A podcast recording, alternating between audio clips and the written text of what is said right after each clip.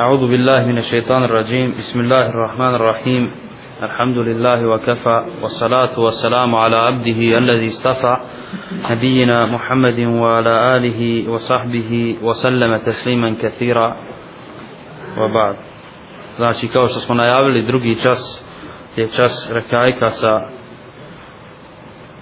našim gostom a on je svešenik šerijatskog fakulteta u Jordanu na ocijeku islamskog prava, odnosno fikha i magistar na istom ocijeku, znači islamskog prava, odnosno fikha i on je danas, danas naš gost na predmetu Rekajk. Budemo. Kako se zove taj gost? A on se zove, znači, magistar Hafiz, Hafiz magistar Senaj Zajmović. Budemo. Nisam mislio koji titul je. Bismillahirrahmanirrahim. Alhamdulillahi rabbil alamin. Wassalatu wassalamu ala sayyidil mursalin.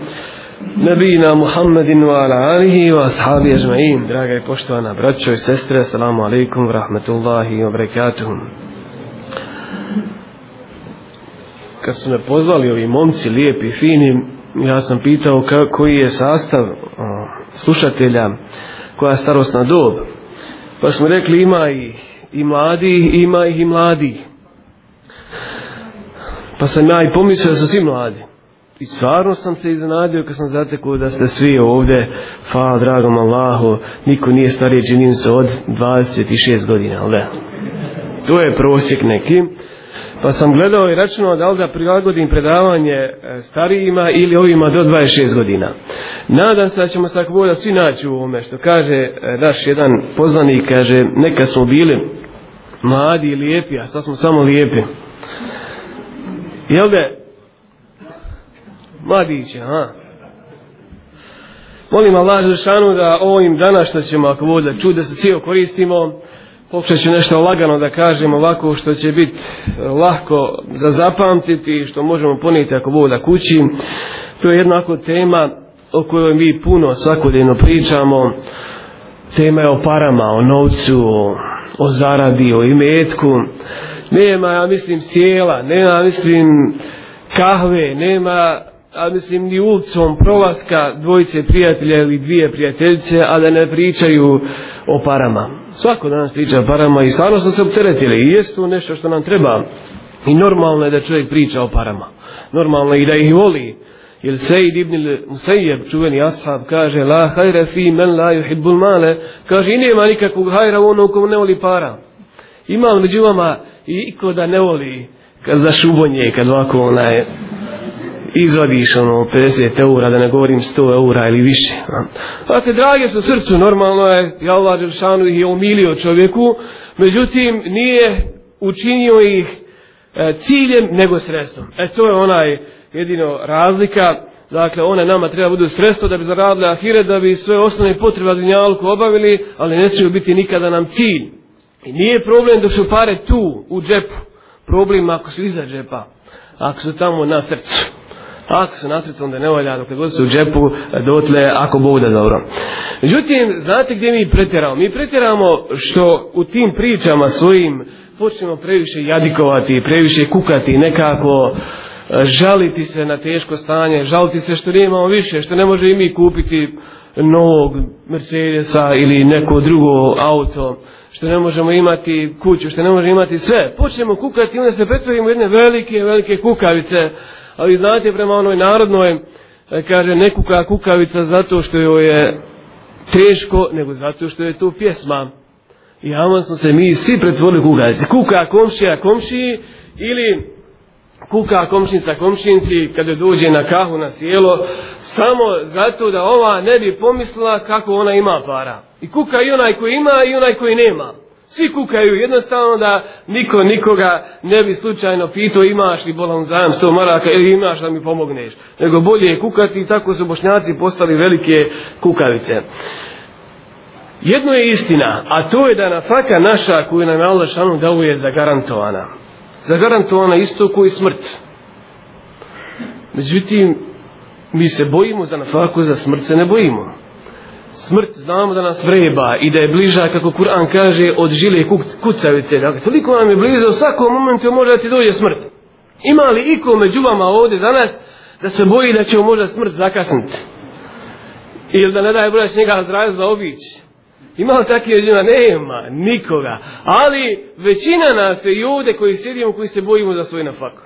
Bojimo se, hoćemo li sutra imati, hoćemo li zagodno imati, hoćemo li moći svoju djecu izdržavati sutra kada ih i budemo imali, hoćemo li suprugu moći izdržavati. Svi se bojimo, odakle ta bojazan, ako je Allah svezao na faku za, za smrt.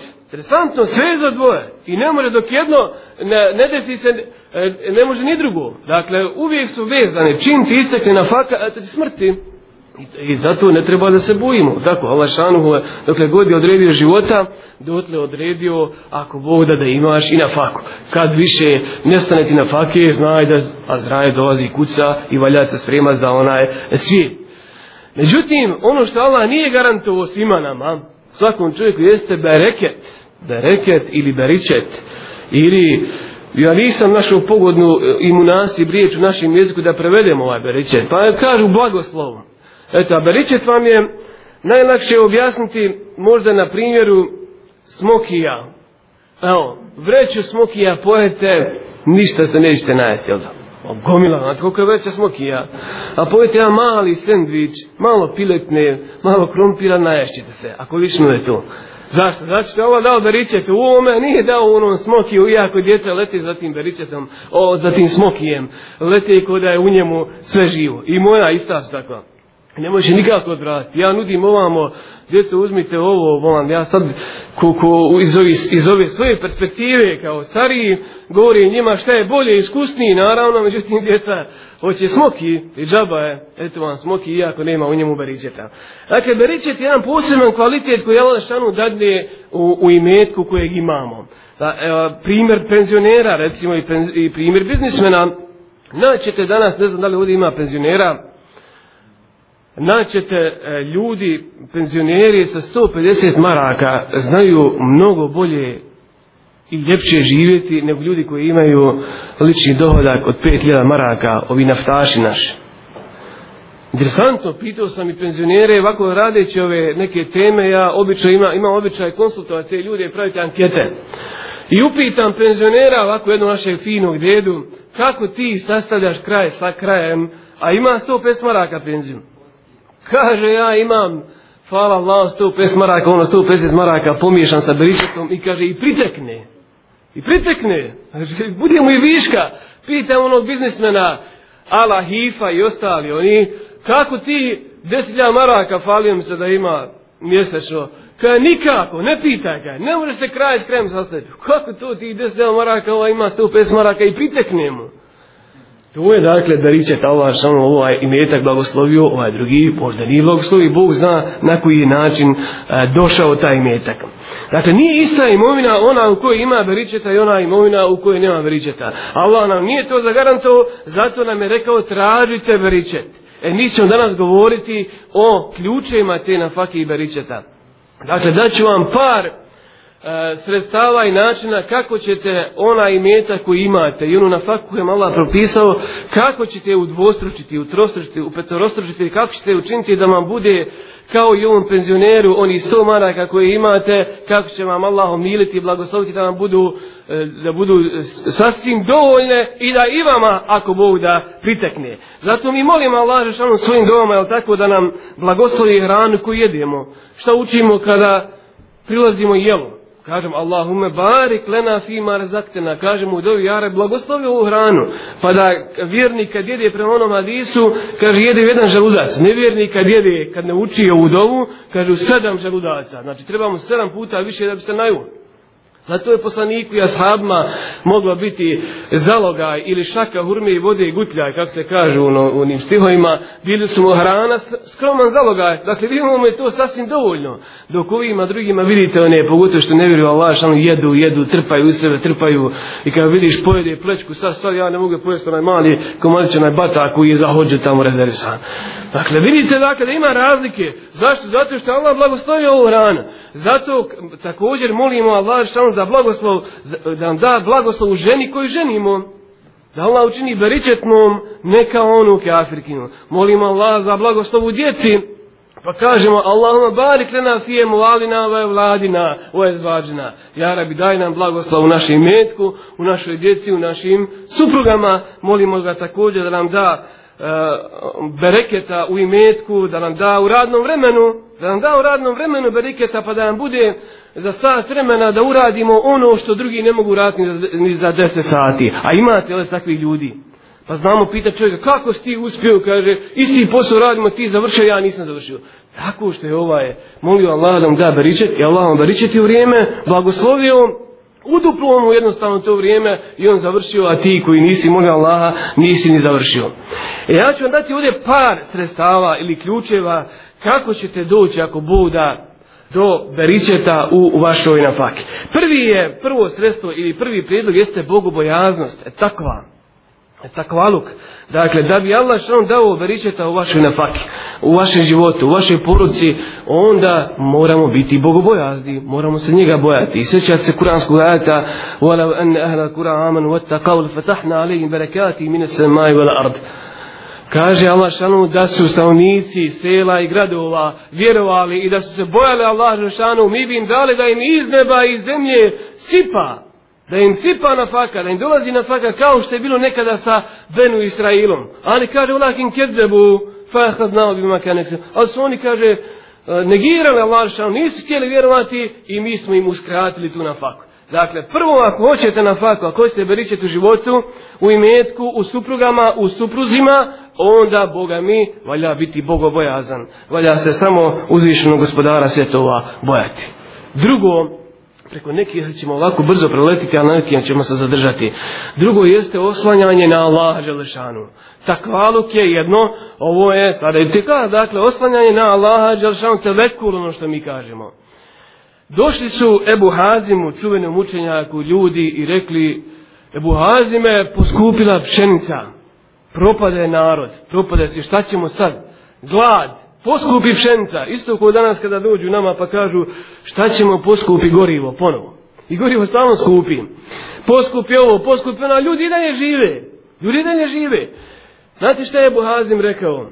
Kaže, u Aleukjane, kaže, u Aleukjane miskalu, uh, miskalu kamhin, uh, mijetu dinarin, felaubali. Kaže, kada bi bila, kada bi jedan miskal pšenice, jedna mjerica pšenice, kada bi bila i, ko, i stotinu dinara, kaže Farao Bali, meni potpuno sve jedno. Alejna en na'budehu kema marana, na nama je da Allah rršano obožavamo kao što nam je naredio, u alejhi en jerzukana kema vadana, a na njemu da nas kaže obskrbi kao što je obeću. Čemu onda si kirancija, zbog čega ja da se brinim ako je Allah obećao da će nas obskrbiti, a od mene traži samo da ga obožavam, da mu klanjam, onda nema razloga za brigu. Nema razloga, jer ako se brinijete, Boga mi fasovat ćete šećer. Kad fasovate šećer, onda šta ćemo samo, da se u bolnicu. Dakle, pogledajte, imate raznih nekih negativnih posljedica od te vaše brige. A čemu briga ako ispravno postupate? Ako se Allah bojite, ako se na njega oslanjate, budimo koje buhazim, nek skupi šta god hoće, mi obavimo svoje, Allah šanu će dati na faku i ono imetku koje imamo da će nam ako Bog da briđe. Sljedeći ključ ili sljedeće sredstvo jeste dobročinstvo prema roditeljima i prema rodbini. Mi dobro znamo da smo ovdje danas kao bošnjaci, općenito i kao svije, dobro zakazali. Zakazali smo kad se radi o dobročinstvu prema svojim roditeljima.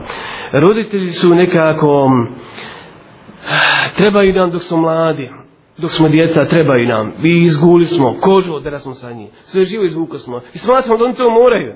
Ne moraju, ali roditelji to radi jer su nas rodili i jer su nas odgojili. I naravno smatraju da treba i da troše na nas. Međutim, kada sutra mi postanemo snažni, jaki, zaposlimo se, rijetko ko to od nas vraća roditeljima svojim. Roditelji su usamljeni i čekaju hoće li im sin, hoće li im djete navraziti. I majka stalno pogleda na vrata, hoće li slučajno se pomoliti njen miljenik, njen mezimac ili njema, njena lijepa esma, lijepa merem i ostale. I nema, zauzeti su roditelji, za, zauzeta su djeca dunjaločkim poslima, a i oni će sutra biti roditelji. I on će biti roditelji, i on će isto ovako očekivati. Jednom sam u Njemačkoj tamo bio na izvoru gdje Dunav izvire, kad se zove Švarcov, tako nešto, obilazio naše džematlije i tako mi se želio jedan naš roditelj kaže da mi je makar da hoće dojde da ga mama pomilijem. Da ga mama pomilijem, da popričam sa njim, da, eto da, ko dijete, volio bi, ja sam ga odgajao, volio bi da makar pola sata se zadrži. Pa dođe li ti kaj, i kad dođe, kaže na brzinu, kaj tut ne ime onu kilu naranđe i kilu i litar soka i, i na brzinu. Samo onako, e, babo šta ima, šta nema i oda, alaj manet. Ja ga pitam, koliko si ti vremena provodio sa njim dok je on bio mali. Kaže, veoma malo. Iskreno veoma malo. Nije se kada je imalo vakta. Valjalo je raditi, valjalo je zadinjalo. Pa nema švabo, kaže, ne da mira. Iz pijame u radno dijelo, iz radnog dijela u pijamu, kakva djeca? E, zbog toga sada nema ni tvoje dijete vremena za tebe. Zapamte ovo, koliko vremena provedete sa svojim djetetom, dok je ono malo, toliko će ono sutra provoditi s vama kada ostarite, a ono odraste. Ovo dobro zapamtiti kao jedno od velikih pravila. Ali vidite nešto, mi govorimo na faki bereketu, vratimo se na to. Kaže poslanik, kada se nam jednom hadisu, men srrahu an je mudde lahu fi umrihi, voli zade lahu fi rizkihi, fel je burra u alidejihi. Kaže, koga radi ili ko hoće, ko želi da mu Allah šanu produži život i da mu poveća bereket, da mu poveća na faku, neka čini dobročinstvo prema svojim roditeljima neka čini dobročinstvo prema svojim roditeljima. Ako hoćete veću napaku, ako hoćete duži život čak poslanik obećava, onda roditelje, ne odmišite se od njih. Sjeća se onog hadisa kada, kada, poslanik, e, kada onom poslaniku, ali se nam dolazi on ashabi i kaže, jesam li se ja odužio svojoj majici, a nosio je kukjabe, tava, činio i držao je. I on rekao, nisi se odužio ni za gutlja njenog mlijeka kojim te hranila. Dakle, toliko je to, toliki je hator i toliki je hak roditeljima kod nas da mi nismo svjesni. Ova mala djeca nisu još svjesna, ali misle roditelj mora. Roditelj mora, sutra kad oni budu roditelji, drugačije će razmišljati Boga me. Dakle, ako hoćete bereket na faku, vratite sa svim roditeljima. Da ne govorimo o rodbini, šta je sa rodbinama? Šta je sa rodbinom i našim obilaženjem te rodbine? Rodbina je nekako daleko od nas. Daleko, mi ćemo danas u brojnim slučajima, nemamo vremena, ne imamo zaista vremena za svoje za svog Amidžića, svog dođe. I ne znamo i šta se dešava sa njim. Zna se desiti da se oženi i da se uda i da djecu dobiju. Mi nemamo pojma gdje su oni. Mi ne znamo ništa o njima. A poslanik Ali Islam govori da je siletur rahim, da je siletur rahim, da onaj koji e, kida rodbinske veze, da Allah šanu kida sa njim odnose. Da onaj koji kida rodbinske veze, Allah kida e, odnose sa njim. Ja znam svoj slučaj i slučajeva milion drugi gdje kažu ljudi kad sam počeo posjećivati svoju rodbinu osjetio sam poseban beričet na fakti. Osjetio sam da mi Allah šanu povećao na faku. Ako hoćete, nestane vam para. Evo vam recepta, otiđite malo, obišite svoju tetku. Svog tetka, svog dajđu. Otiđite malo Amđiću, otiđite malo Dađiću. Otiđite malo tim svojim i bližnjim i daljim rođacima. Pa ćete vidjeti kako vam kad se vratite kući, Allah šanu daje baričeta. U istom onoj metku. I možda vam poveća i metak. Jer rodbinska veza se zaklela. Znate li da je Allah Šanu upitao rodbinsku vezu? Jesi li zadovoljna da ja prekinem odnos sa onim ko prekida s tobom odnos?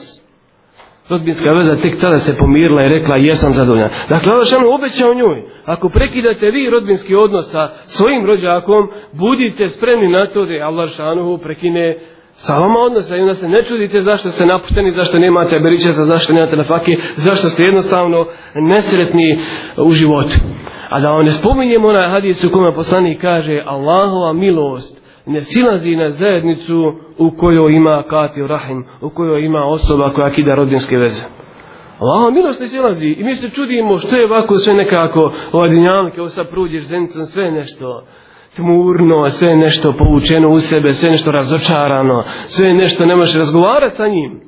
Nema milosti, nema milosti, a dajmo malo, ako hoćemo tog beričeta i tijena faki, ako hoćemo da nam bude ljepše i zdravije, da budemo i zdraviji, onda idimo svojim rođacima. Nemojmo uz onaj dušman televizor, onaj sjedite onoliko. Taj televizor je zaista veliki dušman. Zaista oduzeo nam je sve vrijeme. A što nam vrijeme oduzma? Oduzeo nam je i energiju.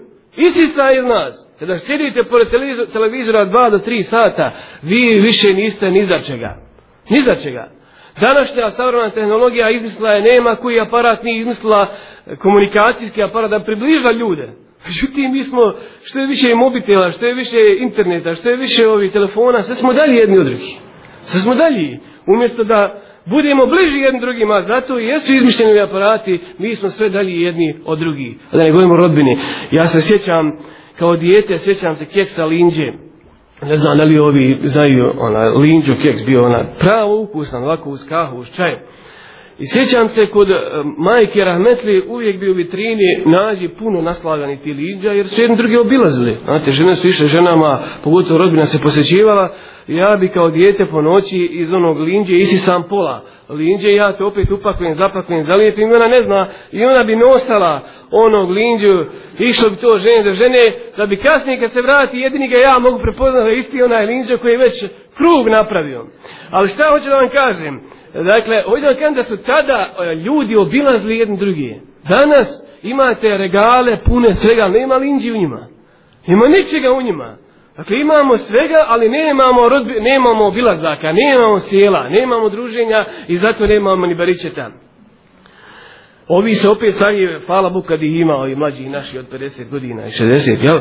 Onaj, e, oni se dobro sjećaju, oni sinija, uh, prije, kada za jednom sofrom 14 ljudi znalo i djece sjeti, za istom sofrom 14 svi okolo okruže se i otimaju se za onaj zalogaj, otimaju se za onu grebu od, od sutlije iz one tenđere, otimaju se ko će zadnji, ko će ono, ono najslađe ono na kraju, i svi bili veseli, niko ni nekog nije režao, danas, danas dvoje, troje, samo reži jedno na drugi, samo reži, svađaju se, i nema bariđeta, a oni su imali i bili nasmijani, i nakon toga bježi na njevu ponovo, na njevu zapjevaj tamo, vraćaj se sa njevu, umoran, lezi odmah, nema ni televizija, nema ničega, i ujutru ponovo za svojim bariđetom. Mnogo manje su imali nego mi danas. Kad pogledate šta su oni imali, šta mi imamo, oni su mnogo manje imali, ali su bili mnogo sretniji. Mnogo sretniji su bili nego mi ovi danas koji se busamo, uprsa i mislimo da smo neko ili nešto. Sjetimo se pred islamski Arapa, evo hajmo još dalje kažemo da smo mi od džahilijeta davno odmakli, da, da ovaj civilizirani čovjek doli, toliko odmak je da ne može se nikako mjeriti sa onim paganskim čovjekom uh, u, u predislamsko vrijeme. Međutim, znate šta je za njih rodbinska veza značila? Oni su se zaklinjali rodbinskom vezom. To je bila zakljetva zaklinjali se rodbinsku vezu, rekli bi, e, tako mi je Allaha i rodbinske veze, to je bilo kod njih zakljetva, tako mi je Allaha i rodbinske veze, što znači da ako bude ugrožen jedan član njihove rodbine, čitao pleme se diže u odbranu tog člana. Ako je siromašan, čitao pleme ga pomaže. Gdje to danas imamo mi ovdje u Bosni? I ne znamo jedno za druge. I ne znamo da treba. I bježi od njega, ko od gubavog čovjeka. Ko... Bježi što dalje ako saznaš da ti rođak nema i da je pao u dugove, bježi od njega i, i ako ga primijetiš na ulici, bježi u ovu drugu neku ulicu dole kraj obale, samo da te on ne primijeti, ne traži od tebe sto maraka. Doći i tebi, zakucat će i tebi ova ptica, pa nećeš imati u tome na fakiju. Kaže poslanik već sam više malo više, evo još malo na rodinskim i vezama, zato što su one važne. Kaže sadaka data siromahu je se broji kao sadaka i zaista čovjek će imati nagradu za tu sadaku. Međutim, kada je sadaka data rođaku, kad rođaku danete članu vaše rodbine, onda se duplo broji. Duplo se broji.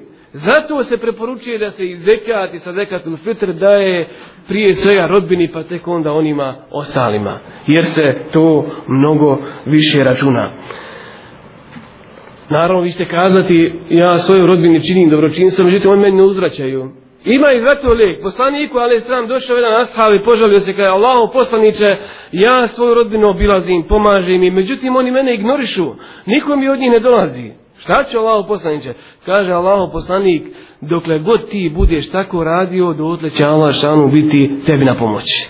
Dokle god ti budeš njih obilazio, ne zaobilazio, nego bilo išao im, Dotle će i Allah šanu te biti na pomoć.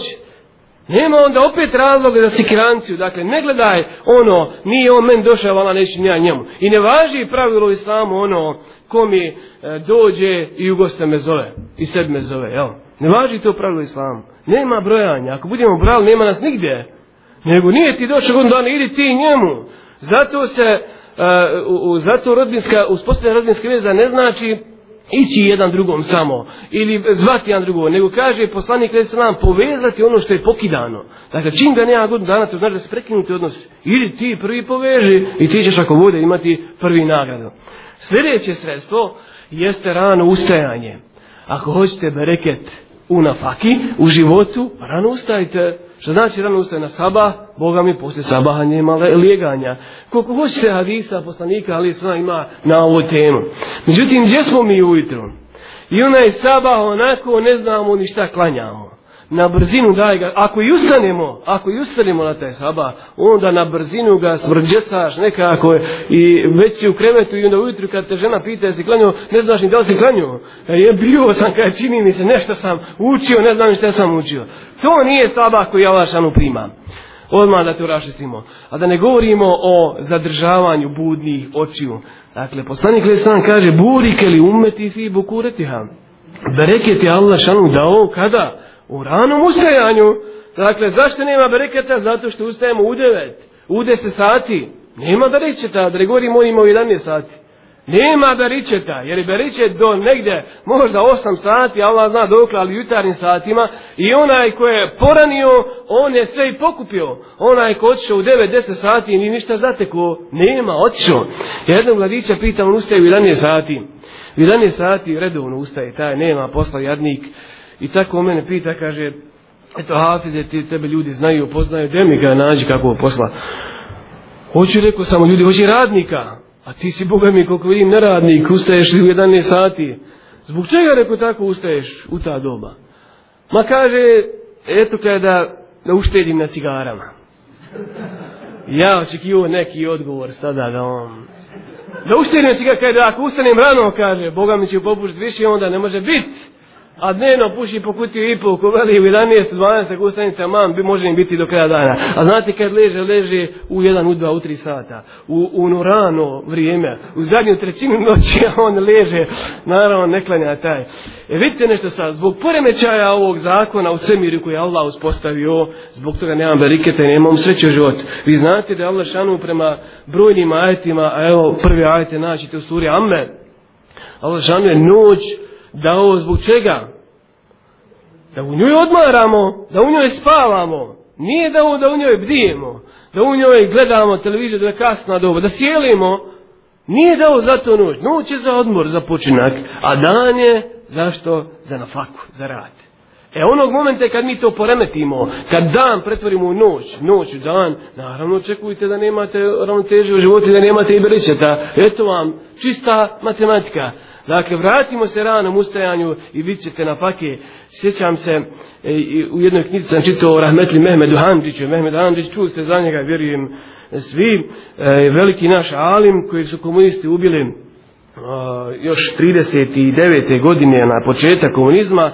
E, navodno, za, onaj, e, zašili su mu, uh, e, on je perso slijepo crijevo, pa su lananim koncom zašili slijepo crijevo i naravno rana se inficirala i on je od toga umro. A namjerno je to bilo, to je bilo e, strateški i planski. Mehmed Handić, Rahmetullah Alehi, on pri, piše u svojoj knjizi, kaže, kada bi ujutru kreni Sarajeva prema Slavoniji, ujutru kreni posle Sabaha, nigdje prije uh, rijeke Save, nigdje nikoga vani, vam u našem dijelu, nigdje nikoga vani. Svako živ spava pređem vozom tamo preko mosta, dakle u Hrvatski dio, svi vani, svi rade nešto, ujutro odmah posle sabaha.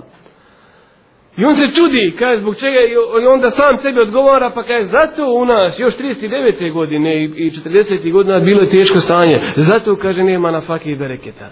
A tamo na zapad ima, znaš što oni ima? Zato što oni praktikuju ovaj zakon koji Allah uspostavio sve miru, a mi ne praktikujemo. Dakle, čovjek mora se, jest teško, i samom je teško, i svima nam je teško opstati, pogotovo ako radimo dokasna. nam.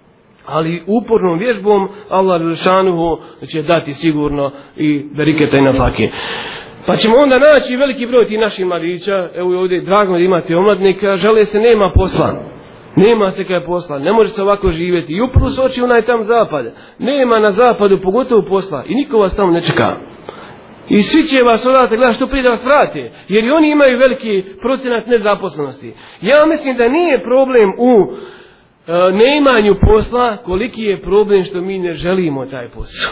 Mi smo prema onoj narodnoj, kaže, posla traži, a Boga moli da ga ne nađe. E tako je naše stanje. Posla traži, a Boga moli da ne nađe. Mi to uz kahu ovako treba, mi posao ima, gdje se zaradi. Žitim, kad mu ponudiš, hajde mi cijepa drva, uh, kore, to je mizirno. Hajde mi ono ogradu tamo okrče, oh, kaj, ne bi ja to radio. Za 20 maraka ti ja treba, nema šanse, zna. E, reko, sjedi ti onda tu sjedi, pi kahu na babin račun, ako ti je to mizerno. Dakle, nije problem, osjećate li sam da nije problem u neimanju posla, koliki je problem što mi ne želimo. Allah nije našu na faku svezo za zemljičku željezaru. Nije svezo ni za brojne druge firme.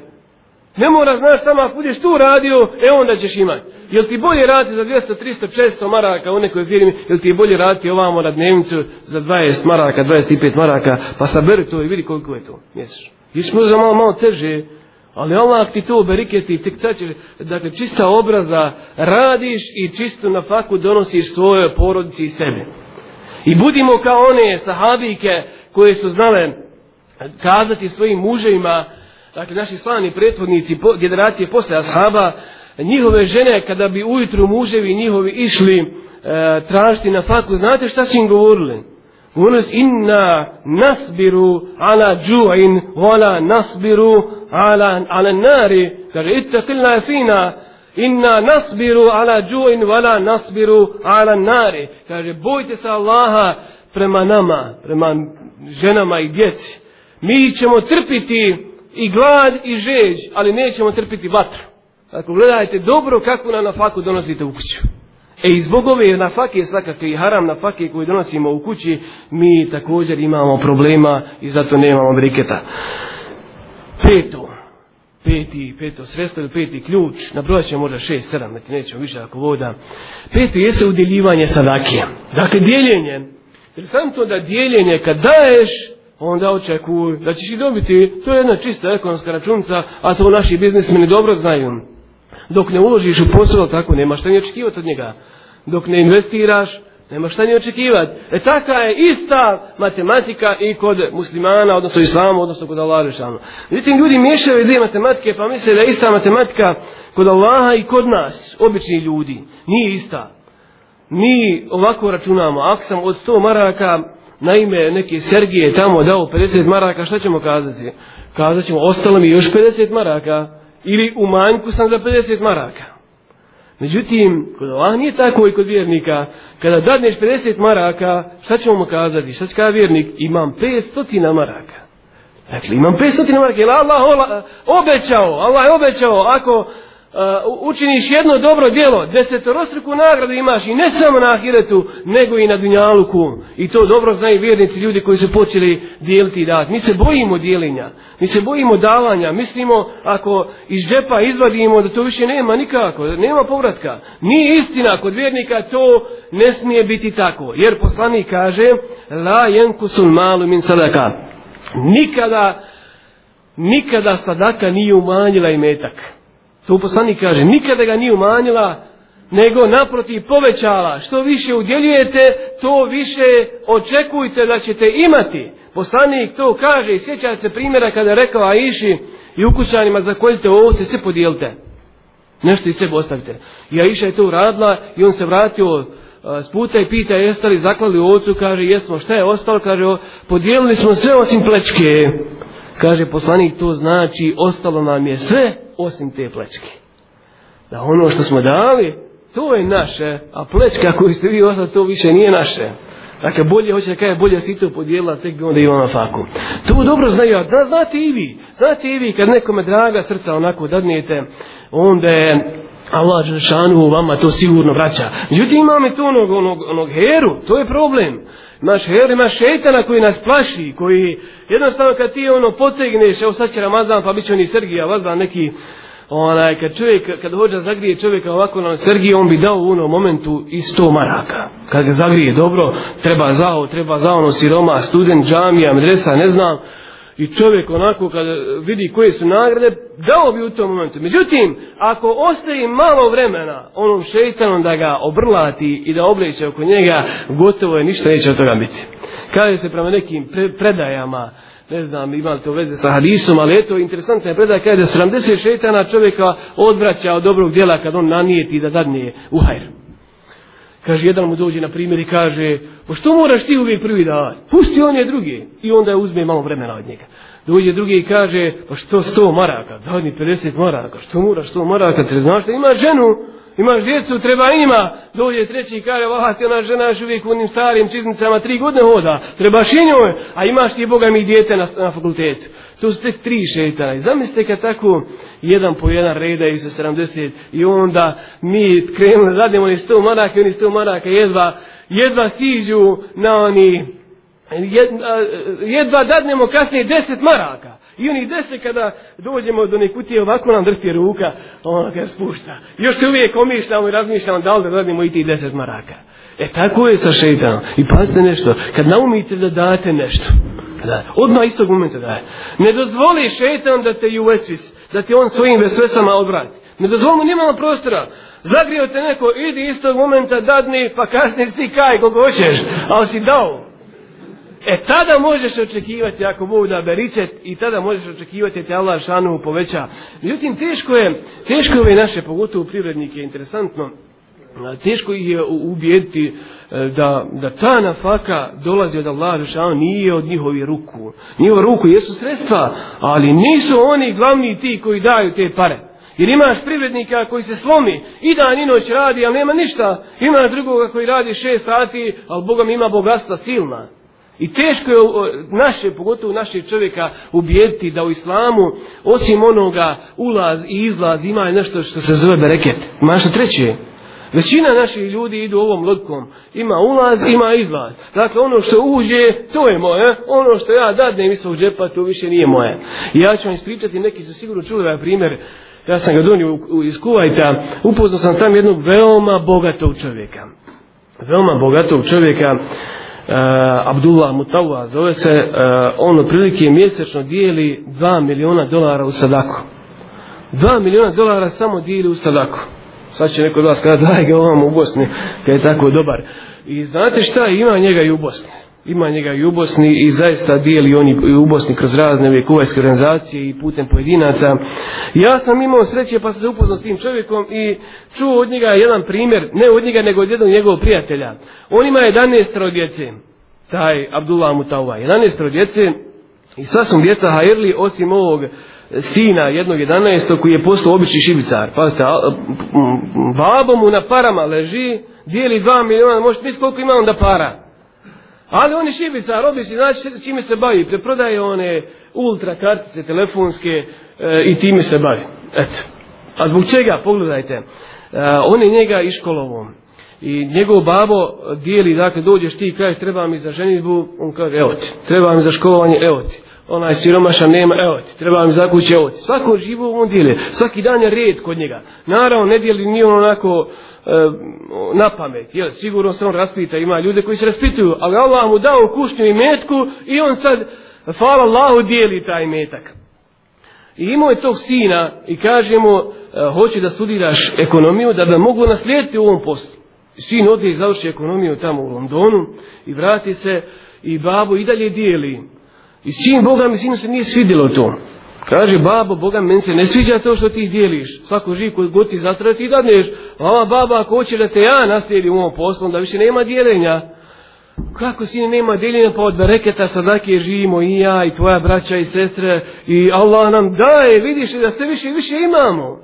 Zbog te nafake, zbog tog bereketa, e, od davanja i dijeljenja. Kaže, ne, ne, ne, babo, mene su naučili tam da postoji samo ulaz i izlaz ulazila, dakle ono što je ušlo, to je naš. Što si ti dao babo tamo nekome, beduinu, to više nije naše, zaboravi ti to babo. Babo se mučio kako da ubidi djeta da ima i beriće, da ima nešto što je Allah dao posebno u tom imetku.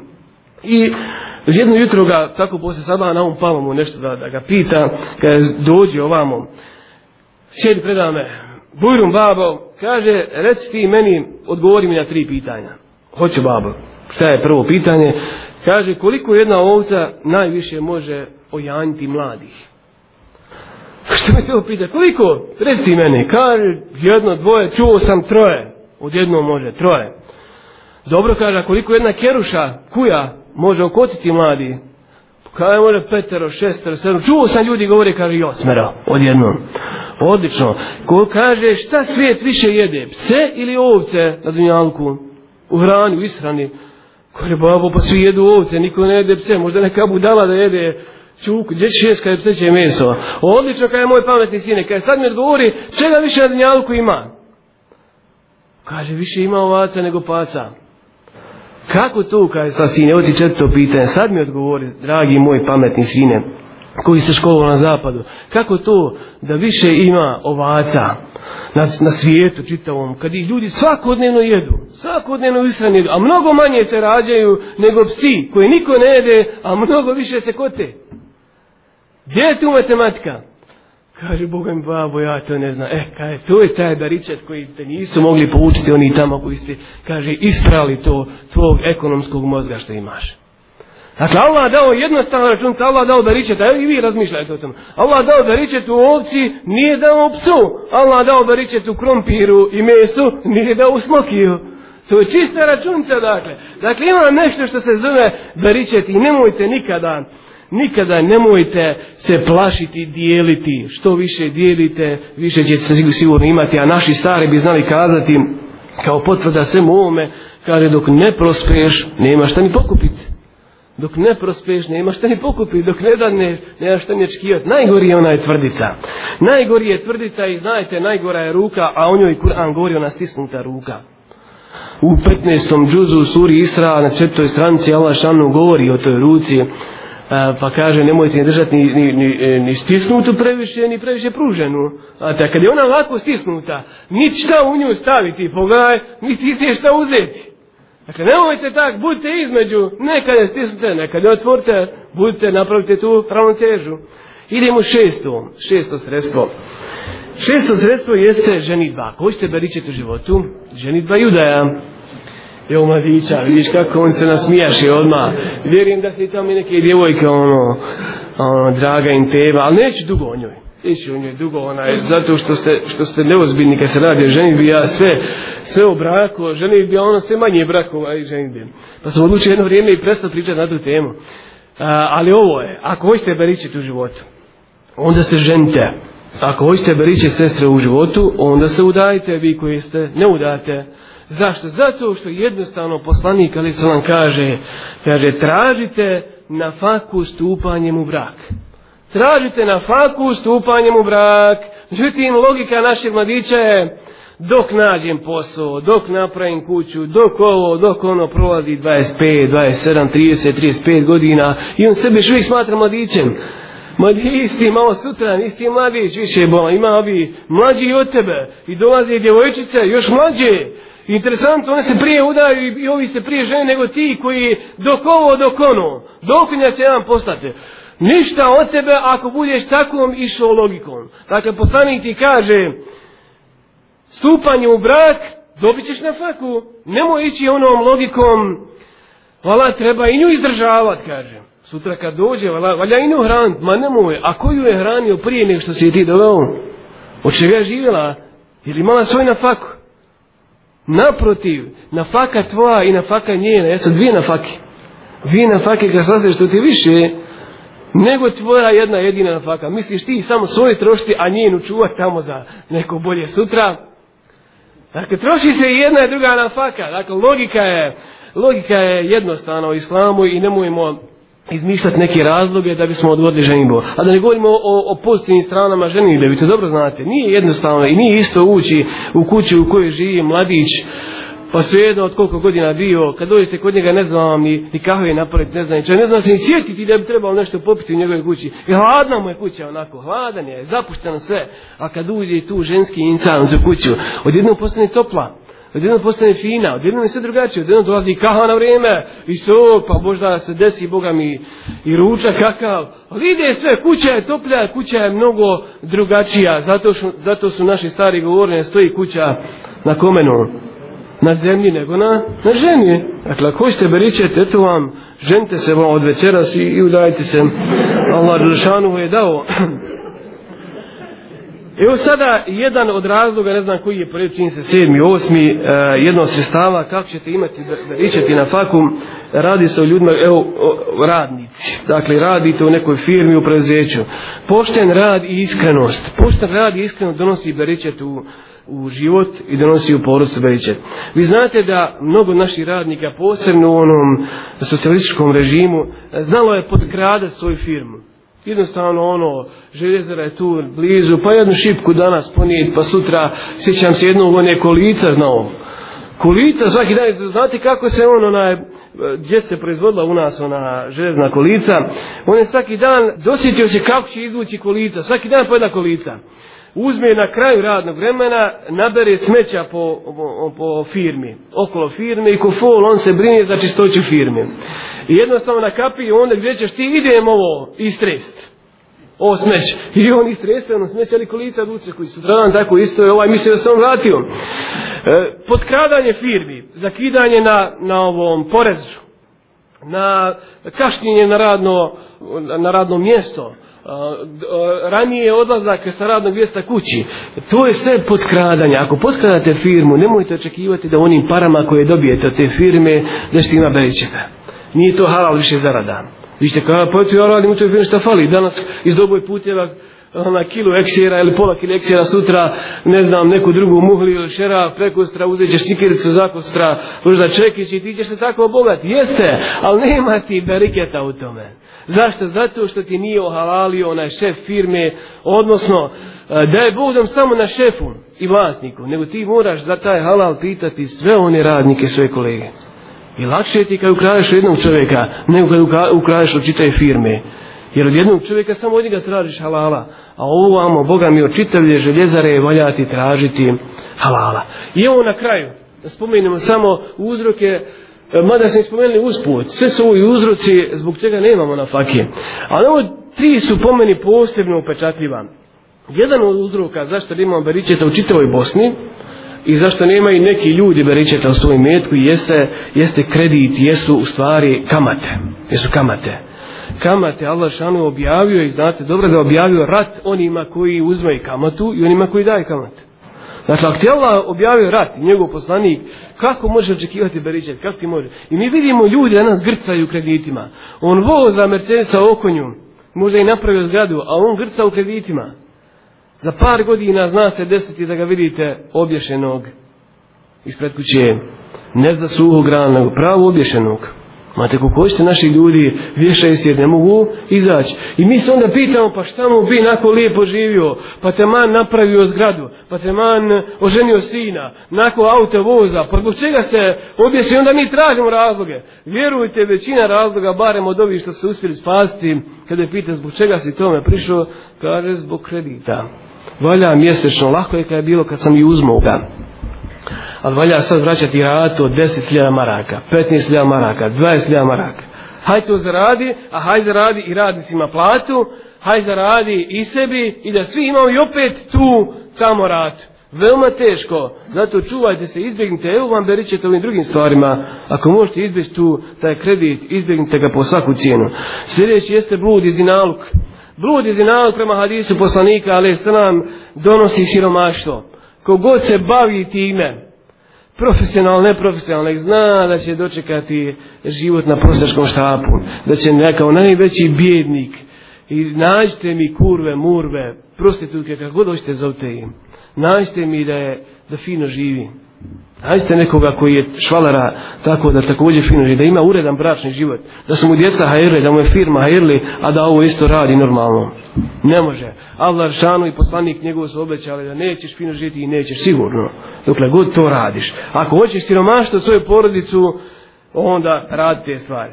Veliki grijesi, krađa i tako dalje, sve to nama e, donosi i također izbjegavanje zekijata izbjegavanje davanja zekijata odnosi vam beričet i ono malo što imate beričeta odnijeće vam to ako budete izbjegavali dati zekijat. Zašto? Zato što u imetku vašem ima tuđi imetak. E sad zamislite, zekijat je upravo onaj tuđi imetak. Zamislite kada vi taj tuđi imetak trošite. Isto kao da ste ga i ukrali.